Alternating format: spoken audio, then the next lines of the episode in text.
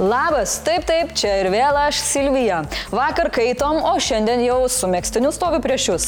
Na, o naujienas pradėsiu nuo žinių, tai kaip ten tas tiltas toliau laikosi. Švelniais sprogimais pakutentas Kerčias tiltas vėl dalinai funkcionuoja. Eismui atverta viena tilto pusė, čia sudarytos sąlygos transportui judėti abiejomis kryptimis. Po atakos eismas tiltu buvo sustabdytas, todėl abiejose pusėse susidarė didelės spūstis. Reikėjogi skambinti Zuokui, jis e, spūsčių naikinimo gūrų, tai čia būtų greitai viskas sutvarkęs. O be baimiai, nors gal labiau sakyčiau bepročiai, Rusijos turistai toliau bando palikti Krymo pusėsalį per laikinai okupuotą pietų Ukrainą. Ukrainą. Rusijos šaltiniai pranešė apie didelės transporto spūstis Džankojaus rajone ir okupuotoje Hersono srityje Melitopolio link. Ir ta žinia gerokai labiau džiuginanti nei iš pradžių pasirodė. Bėgantis turistai apsunkino eismą ir trukdo okupantų logistikai į Zaporižios ir Hersono teritorijas. Kaip praneša Britų žvalgyba, okupacinės paėgos pietų Ukrainoje tikriausiai turi normuoti artilerijos amuniciją, kad išliktų operatyvinės. Nu negalvoju, kad kada nors gyvenime ištarsiu, bet šaunuoliai rusų turistai. Bet vakarykščiai ferverkai ant Kerčės tilto ne juokais įsiutino Rusiją. Grasindama 140 kažkilintą kartą paskutinio teismo diena atakavo Odesos uostą. Rusija pareiškė įvykdžiusi atsakomąjį smūgį į objektus Odesos uoste, kurie jos teigimu buvo panaudoti planuojant ataką prieš tiltą į Krymą. Smūgiai suduoti praėjus kelioms valandoms po to, kai baigėsi susitarimas dėl grūdų eksporto, kurio Maskva nesutiko pratesti spręsti. Daugiau apie grūdų eksporto susitarimo svarbą žiūrėkite kalbą ekspertas laidoje. Visos šešios kalibrų raketos numuštos, tačiau nuolaužos apgadino uosto infrastruktūrą ir kelis privačius namus. Numuštas ir link Odesos artėjas 21 dronas Sheikhed. Tuo tarpu Matrioškų gynybos ministerija pareiškė, kad virš Krymo numušė 28 Ukrainos bepiločius orlaivius. Teroristai taip paprastai pralaimėti neketina ir ruošiasi Ukrainos žemę visiškai nukloti rusiškos mėsos faršų. Todėl Kupensko srityje sutelkė per šimtą tūkstančių karių. Jie tai bando atitraukti Ukrainos kariuomenės rezervus nuo Bahmuto, kur ukrainiečiai pamažu, pamažu į priekį stumėsi. O rusai, kad ir kaip kilnoja savo rezervą, vis tiek patiria didžiulius nuostolius. Vien per pastarąją parą sunaikinta apie 700 okupantų. Huh, gal reikėtų jums kokią paramos akciją sugalvoti, na pavyzdžiui, kiekvienam aurkui po juodą maišą. Mm. O Wagner samdiniai išnešę sveiką kailį iš karo mėsmalės ir apsistoję Baltarusijoje turės dvi funkcijas.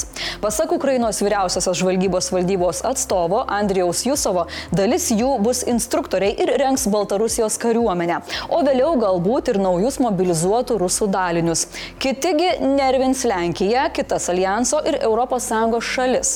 Prezidento Gitano Nausėdos nuomonė Wagner atostogos Baltarusijoje blogina saugumo situaciją regione regione. Bet pasieniečiai ramina. Pasak jų, sienos kontrolė yra itin aukšto lygio. Nedramatizuoja ir Lietuvos kariuomenė. Jie viską mato, analizuoja ir vertina. Ir naujienų viena boba sakė, nekomentuoja. Na kągi, pagaliau valstybinė mokesčių inspekcija paskelbė 22 metų turto deklaracijas. Nors gyventojams tai reikėjo atlikti iki gegužės antros dienos, tačiau apie 2000 žmonių vis dar vėluoja. Bet vėluojantis mums ir netokie jau įdomus. Įdomiausi jau paviešinti. Tai ir pažiūrėkime, kokius turtus yra sukrovę mūsų politikai. Iš šalies vadovų turtingiausia Gitano Nausėdo šeima - 771 tūkstantis eurų. 771 tūkstantis. Nu, reikėjo ir man matematikos neišlaikyti. Aha. Gitanas ir Diena turi po 263 tūkstančius su pusę vertės nekilnojimo turto ir po šiek tiek daugiau nei 95 tūkstančius vertės sklypų. Atitinkamai jie turi 25 ir beveik 20 tūkstančių eurų santaupų. Nors nausėdų turtas per metus išaugo tik 1400, tačiau ryškiai sumažėjo prezidento skola. Antrą vietą užima Seimo pirmininkė Viktorija Čmilytė Nilsen. Ji turi labai vertingą būtą, labai vertingą namą ir labai vertingą automobilį. Ji deklaravo beveik 90 tūkstančių eurų santaupų ir yra paėmusi 21 tūkstantį eurų paskolą. 21 metais parlamento vadovė su sutoktiniu turėjo bendro turto už daugiau nei 1 milijoną eurų. Tačiau, kaip teigia Nilsen, jo sutoktinio deklaraciją reikia patikslinti, todėl pastaroji šiuo metu dar nėra viešai prieinama. Patikslinus, Seimo pirmininkės šeimos turtas būtų didžiausias tarp šalies vadovų.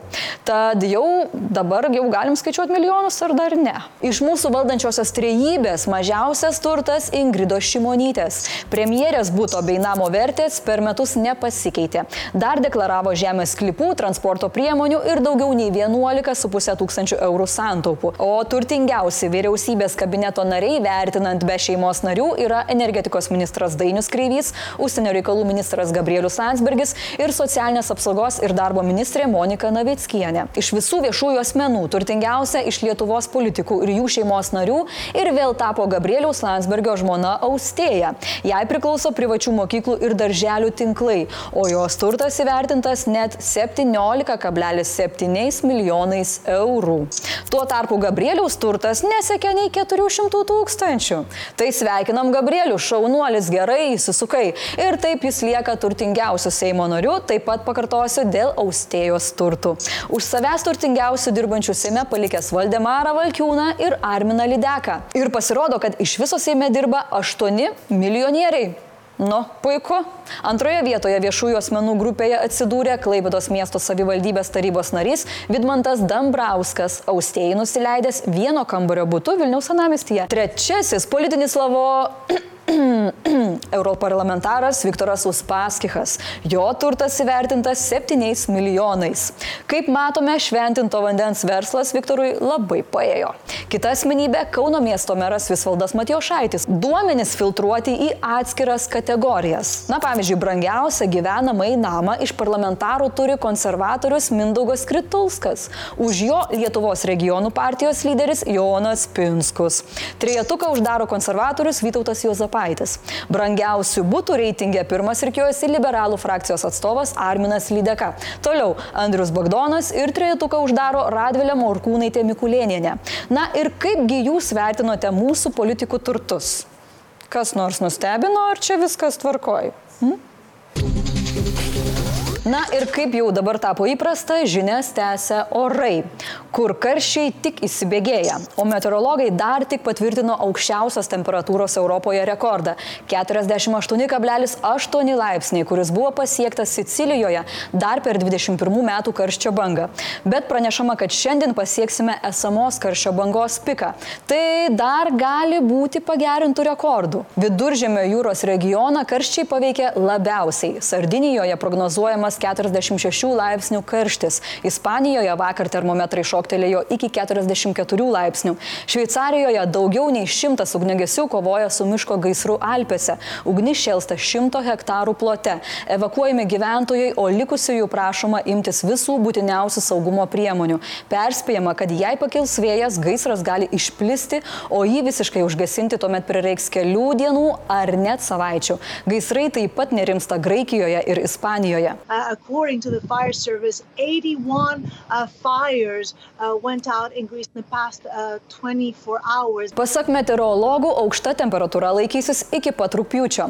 Pietvakarinėje Amerikos dalyje karštis išsilaikys iki kitos savaitės, o Kinija 30 laipsnių temperatūra svilins iki šios savaitės pabaigos. Sklinda gandai, kad net Mona Lizos paveikslą išmušė prakaitas.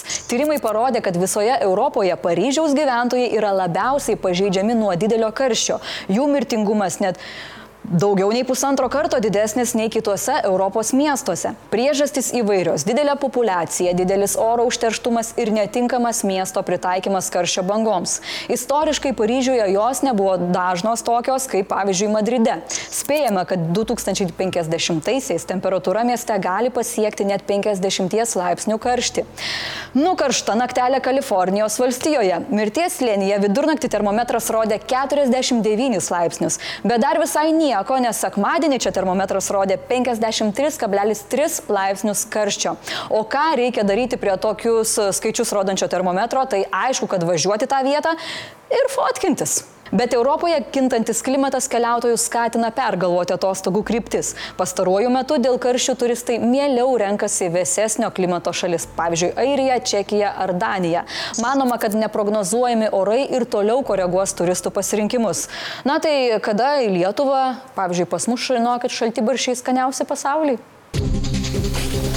Blitz naujienos. Vilniuje per liūtį buvo užlietos 7-8 gatvės, tačiau didesnių sutrikimų mieste nėra. Lietaus nuotekų sistemos veikia. Valio! Lietus buvo trumpas ir momentinis, nors staigus ir gausus. Taip pat buvo gauti keturi pranešimai apie ant automobilių nukritusius medžius ir jų šakas.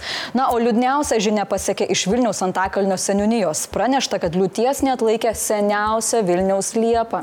Sapiegų parko liepos amžius buvo apie 300-350 metų. Specialistai įspėja, kad panašus likimas gali laukti ir seniausio ažolo. Tuo tarpu hidrometeorologai praneša, kad lietų šalyje pastarosiomis dienomis iškrito netolygiai. Stichinė sausra tęsiasi toliau, taip pat fiksuojama ir hidrologinė sausra. Jei prezidento rinkimai vyktų šį savaitgalį, didžiausia palaikymo sulauktų dabartinis šalies vadovas Gitanas Nausėda. Artimiausių varžovų išlieka advokatas Ignas Vėgelė. Tuo tarpu premjerė Ingrida Šimonytė iš trečios vietos krito į šeštą. Trečią vietą ji užleido visuomenininkui Andriui Tapinui. Kas už jį galėtų balsuoti? Lietuvai ketinant iki 30-ųjų įkurti diviziją ir įsigyti tankų gynybos pramonės atstovas sako, kad tai būtų puikia galimybė plėsti šią pramonės šaką. Ji galėtų prižiūrėti ir remontuoti šią techniką, gauti papildomų pajamų. Krašto apsaugos ministerija teigia, kad preliminariai planuojama įkurti tankų batalioną arba kuopą, o projekto vertė galėtų siekti nuo ketvirčio iki milijardo eurų. Ir noriu pakartoti šios dienos klausimą. Tai kaip tie deklaruoti politikų turtai? Ar labai jau jūs sujaudino? Ir ar jums tokia nuotaika buvo per šios dienos liūtį?